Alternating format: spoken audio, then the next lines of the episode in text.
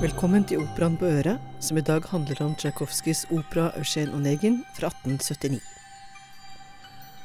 Det er mange som synger i kor, men visste du at operakoret er et av de få profesjonelle korene i Norge?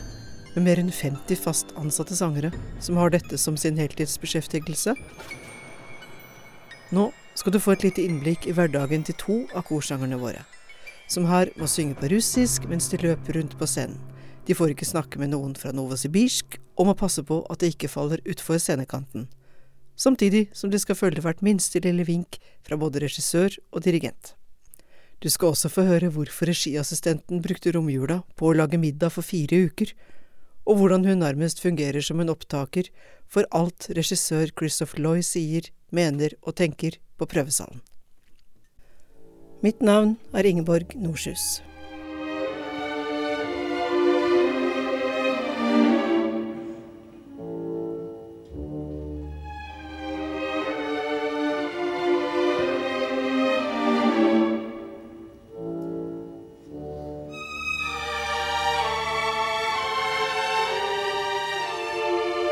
Men først skal regiassistent Victoria Boman Larsen fortelle oss kort hva operaen handler om.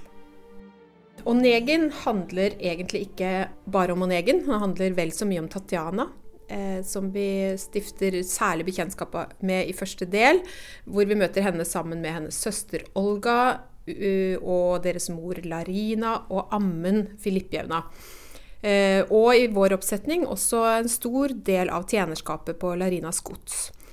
Eh, og der holder de nå på og sylter og safter og synger. Eh, og så, etter eh, en stund, så kommer da barndomskjæresten til Olga, fremdeles kjæreste, han heter Lenski, som kjenner familien godt, men han har nå tatt med seg en nabo som har flyttet til distriktet. Og han heter Onegin, og han gjør stor entré ved å være utrolig verdensvant og selvsikker, og kommer med ganske eh, krasse bemerkninger eller beskrivelser av de menneskene han ser inne på kjøkkenet. Da.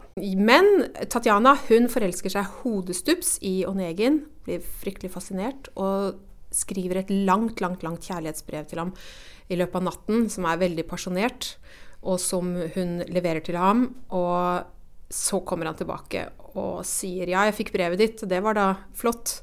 Men eh, det kan ikke bli noe mellom oss. Jeg vil ikke ha kone og barn og stasjonsvogn.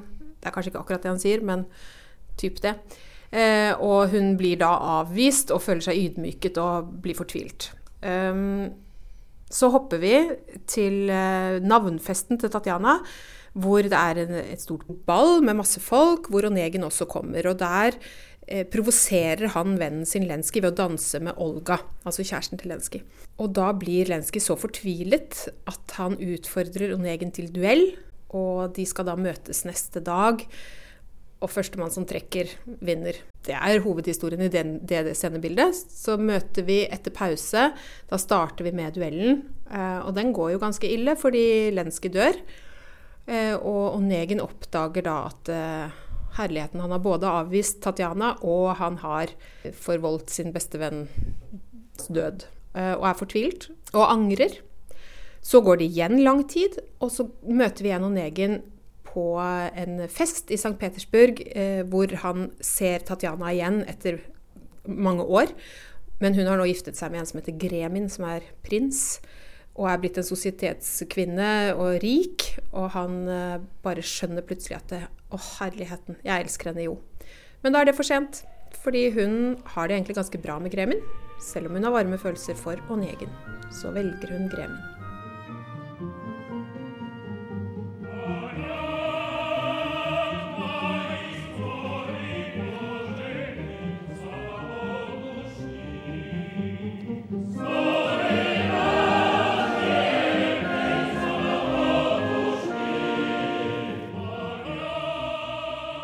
Ingunn Kilen og Rolf Konrad er begge ansatt i operakoret. Og de siste månedene har de jobbet parallelt med Rigoletto, Madame Butterfly, Eugena Negin og mestersangerne fra Nürnberg. Hva slags roller synger dere i Eugen og Negin? Eh, I den operaen så, så, jobber jo hele koret sammen. Det er ikke så mange roller, men vi er, eh, vi er delt opp i grupper som blir plassert på, på scenen. Og så, så, løper vi rundt og skifter plasser, og det er, eh, det er mye kaos. Mye energi. Veldig moro. Vi er alle sammen, som vi ofte er i opera, vi er liksom folket. I denne sammenhengen så er vi de kjipe aristokratene som, som, er bakteppet for det her dramaet mellom Onegin og Tatjana og hele den gjengen med, med aristokrater som da De trenger oss andre for, at, for, å speile at vi ser ned på dem eller beundrer noen av dem og ser ned på andre og sånn, som et sånt psykisk spill bak det de holder på med. Mm. Så det er vel det som er hovedfunksjonen vår her. Og som oftest i opera er det nettopp det som koret gjør. Vi er, vi er statistene i film, eller, eller ja, folkemassene, eller soldatene, eller prestene, eller hva det nå enn er som er bakteppet som da de andre kan ses mot. Regissøren Christopher Loy har jobba litt spesielt med å dele dere opp i grupper, og er ganske detaljert på hvor dere skal stå og hva dere skal gjøre? Ja, han, han har tydeligvis uh, hatt en, en, plan på forhånd, så han har delt oss opp i, i uh, russiske byer og uh, forskjellig. Så det er Dostojevskij, og det er Moskva og de forskjellige. Og så er de også delt opp igjen i A- og B-grupper. han har virkelig gjort et grunnarbeid på forhånd, og så var det veldig morsomt da, de første prøvene å finne ut hvor vi var og hvem vi hørte til, og om vi var A eller B eller sånn. Så det altså, det som hun sier der med de byene og de, de forfatterne, jeg, jeg er med i Tsjekhov A. Og I starten så må man liksom tenke hæ, hva det betyr det? Men når man har skjønt det, og man vet hvem de andre tre-fire Tsjekhovene er, så er det ganske fort gjort da, å organisere gruppa på den måten der. Det er bra, bra greier. Det å skulle ha oversikten over 40-50 mennesker på en relativt liten scene, og organisere dem slik at de til enhver tid gjør akkurat det de skal på riktig sted, krever en temmelig skjerpet regissør. Og I tillegg, altså han er jo imponerende. Han har jo fått, fått sikkert bilde av, av, alle oss med navn på, for han kan navnet på hver enkelt korist. Hvor mange er dere? Nei, hva vi, her er vi 50 stykk, eller noe, ja, 40-50 stykk. Mm. Uh, med alle reservene og alt. Og jeg har ennå ikke hørt han si feil en eneste gang. Mm. Det er klart at Da kan han gi veldig, sånn, veldig detaljert regi. sånn når det står en, en haug med, med, 30 stykker i en, i en, klynge i et hjørne, og så kan han rope 'Rolf, snu deg litt mer mot venstre'. Så, så, da gjør jeg det, og så, er, så, blir regien ganske effektiv på den måten her. Han vet hva han vil ha, og i hvert fall når vi er så mange, så, så er det også viktig å vite hvilken retning man skal. da. Hva vil man ha ut av den scenen? Og det har han vært veldig, veldig flink på, syns jeg. Jeg gir et eksempel på det. for at uh, i, I en scene så skal vi danse en polones, og det er jo en lang rekke med folk som går etter hverandre. Og hvis regissøren ikke har oversikt, så kan det fort gå en halvtime, time å putte folk i en rekke. Med mindre det skal være tilfeldig, da er det greit. Men her vil han ha en bestemt rekkefølge. Så da sier han først skal vi ha Tsjekhov A, så skal vi ha Tsjajkovskij, så skal vi ha ikke sant, Novosibirsk og, han, og Vi husker jo hva vi hører til, så da stiller vi oss opp. Og vips er det gjort på noen få minutter. Så det er bra grep. Kanskje ikke så mye overlatt til dere at dere selv kan gå inn og tolke rollene?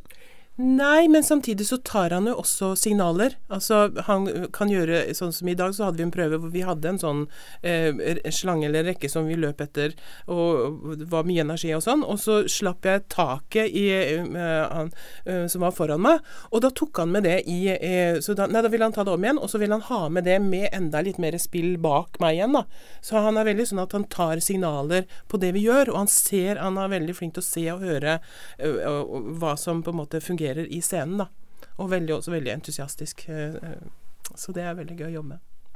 Det er jo sku, skuespill vi holder på med. sant? Og han, han, han sier hva han vil ha. Han sier f.eks.: Vi går på scenen, vi er litt overlegne overfor Onegin, vi ser litt ned på han. Uh, vi vet at det er noe, noe sjalusidrama mellom Lenski og Olga, og det kommenterer vi med blikk. Og samtidig skal vi snakke med hverandre, men uten lyd. Og det, så gir han oss det som en ordre. Ok, Så prøver vi, og hver av oss på individuelt vis prøver vi da å, å, skape de her stemningene som han vil ha, samtidig som vi da ikke skal stå i en rekke, og ikke skal vi stå med ryggen mot veggen, og vi skal ikke snakke med noen av samme stemmefag, og vi skal ikke snakke med dem fra Novosibirsk. Og, og alt det her, ikke sant? Pluss at Tatjana går inn i midten av oss, og hun skal vi gi litt space, men bare naturlig, sånn at ikke noen ser at vi gir henne space, men hun skal ha space. Så ja, alt det her krever jo at du er vanvittig switched on og gjør alle de her tingene samtidig. Og uansett hva du gjør, så kommer han garantert til å stoppe og si at var, alt var helt feil. Men på den måten her så kommer vi fram til et resultat. Så det, det, jeg, jeg syns vi må gjøre masse. Masse eget initiativ. Bare innenfor veldig, veldig mange rammer han har lagt over oss. da. Men hvordan er det i denne operaen her, så er det en veldig grunn scene. Mm. Dere står ganske tett. Både skal dere bevege dere raskt, smidig og lekent på en liten plass, men dere skal også synge veldig tett på hverandre. Hva har det gjort med hørselen deres å synge i kor omgitt av 50 andre sterke stemmer? Nei, altså Man lærer seg jo teknikker på hvordan man skal, skal skåne seg selv og sine medkolleger. Så det er jo et eller annet med å prøve å vinkle stemmen vekk fra ørene til, til kolleger og sånn. Vi har jo tilpassa ørepropper som, som, hjelper oss. Men klart, noen ganger så er det, er det for tett og for, for høyt. Så det, det er utfordringer, det altså. Det er det absolutt. Det er jo en, en, en kjent yrkesskade for, for, egentlig alle musikere at man får hørselsskader en eller annen gang. Og det er vel en virkelighet som vi alle sammen er klar over at kan komme. Noen av oss allerede har tinnitus, og noen av oss kommer til å få det. Og så, Sånn er det. Og for toppidrettsutøvere så får de også noen skader som hører til deres idrett. Altså. Men um, det er jo kanskje viktig å si da til et, uh, et publikum som ikke vet så veldig mye om sangteknikk, at det vi først og fremst driver med, er jo projisering av lyd. For at jeg skal kunne stå på en scene og alle de 1400 publikummerne skal kunne høre meg, da må jeg sende lyden fra meg og bort til dem på en mest mulig effektiv måte. Og det betyr at jeg sender lyden bare rett framover. Jeg sender ikke mye lyd ut til sidene. Men det er mye å passe på for dere. Dere skal spille skuespill, dere skal synge. Ja, og vi har jo også en dirigent å forholde oss til hele tiden. Altså, er, vi, vi, er jo der for musikken. Så det er jo det å få, få det til å gå i hop, uh, både med musikken og det skuespillermessige, kan du si. At det, det, blir riktig hele tiden. Så det er, det er mye som skal på plass, altså. Ja, dirigenten har en helt klar mening selvfølgelig om hvordan han vil ha musikken. Og Noen områder, f.eks. partier, skal f.eks. være veldig eh, stille og mykt og romantisk vakkert. Samtidig som regissøren har forestilt seg at vi skal være frekke i trynet og, og drive og mobbe en fyr. Det er ikke alltid så lett å kombinere den klangen med en helt annen, helt, helt annen kroppsspråk. Men ikke minst, når vi er på scenen, gjerne pga. litt avstander mellom orkesteret og oss, så er vi nødt å synge på de visuelle cuene fra dirigenten. Vi kan ikke synge på det vi hører, for da vil vi komme for seint inn. Så vi synger gjerne litt foran dirigenten sitt slag for at vår lyd skal komme fram til publikum samtidig med orkesteret sitt lyd. Hvis vi gjør det her mens vi springer rundt og passer på at vi ikke skal rett utfor kanten, og ser på dirigenten, passer på å se han så nøye at vi vet nøyaktig hvor han er i slaget, i tillegg til å spille skuespill på det. Ja, det blir mange faktorer, og derfor så må vi øve veldig mye. Altså, du sa at dere er på en måte som statister. Mm. Rollemessig kanskje, men samtidig så er jo koret det som ofte altså, danner virkelig bakteppet. Mm. Musikalske bakteppet. Mm. Ja da, og det er jo en utrolig stor opplevelse å få lov til å, å synge i, i koret når, når, alle på en måte drar på eh, samme veien, og når, når vi kjenner at men nå, nå, sitter det, og kjenner på den, den kraften som ligger der. Og at vi forhåpentligvis klarer å overføre det, at publikum hører at eh, Ja. Det er kjempemoro. Lydmessig er vi jo ikke statister overhodet. I mange av de store korscenene er det jo koret som er det bærende elementet, det hovedinstrumentet. Ja. Det er vel det at vi, vi, gjør de her sammen. At det er, det er en, vi gjør én forestilling eh, som, som, vi jobber sammen mot for å få det beste resultatet. Og det er vel det som er eh, det, det, alle her på huset tror jeg jobber mot. Mm.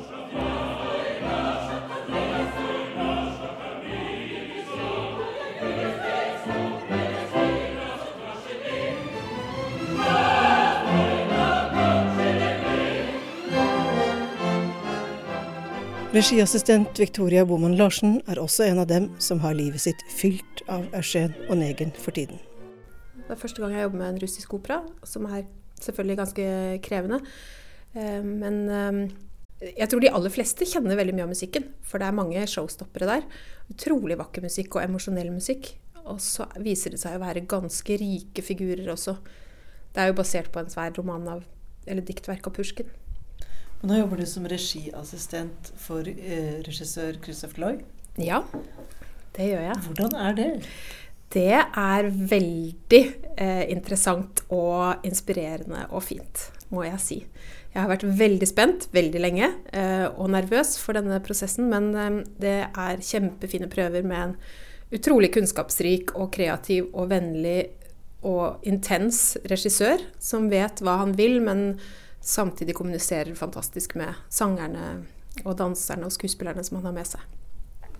Mm. Så det går fint. Hva er din oppgave som regiassistent? Min oppgave som regiassistent er jo på den ene siden å være en slags eh, sekretær i produksjonen. Skrive ned alt sangerne gjør, hvilke rekvisitter de bruker, hvilke dører de går inn og ut av. Um, og også undertekster og regissørens tolkning og interpretasjon av situasjonene og karakterene.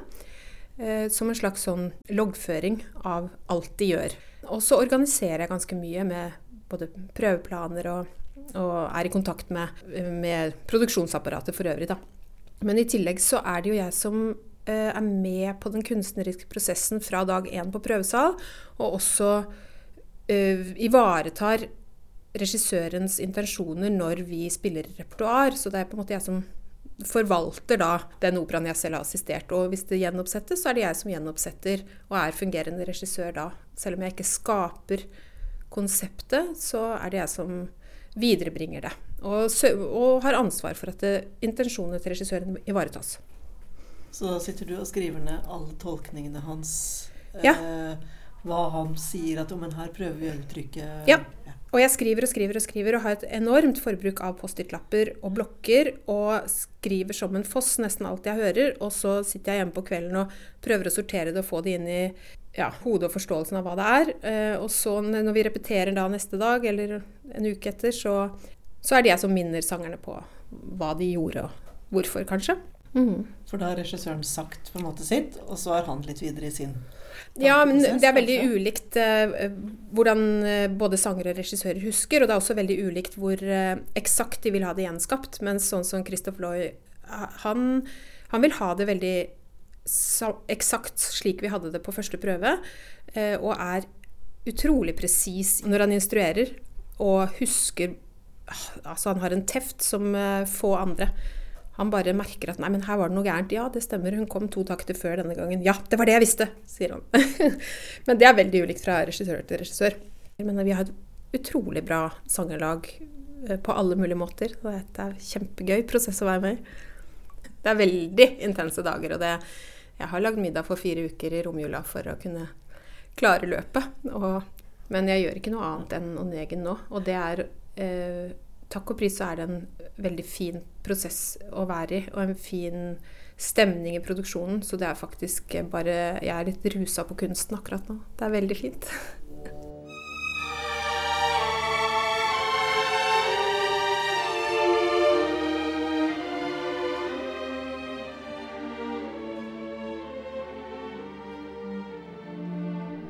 Du har hørt Operaen på øret, en podkast fra Den Norske Opera og Ballett. I neste episode skal du få møte baritonen Audun Iversen, som synger rollen som Eugen Onegin, noe han også har gjort på selveste Bolsjoj-teatret i Moskva. Disse podkastene kan du høre på Spotify, iTunes eller der du pleier å høre podkaster. Mitt navn er Ingeborg Norshus.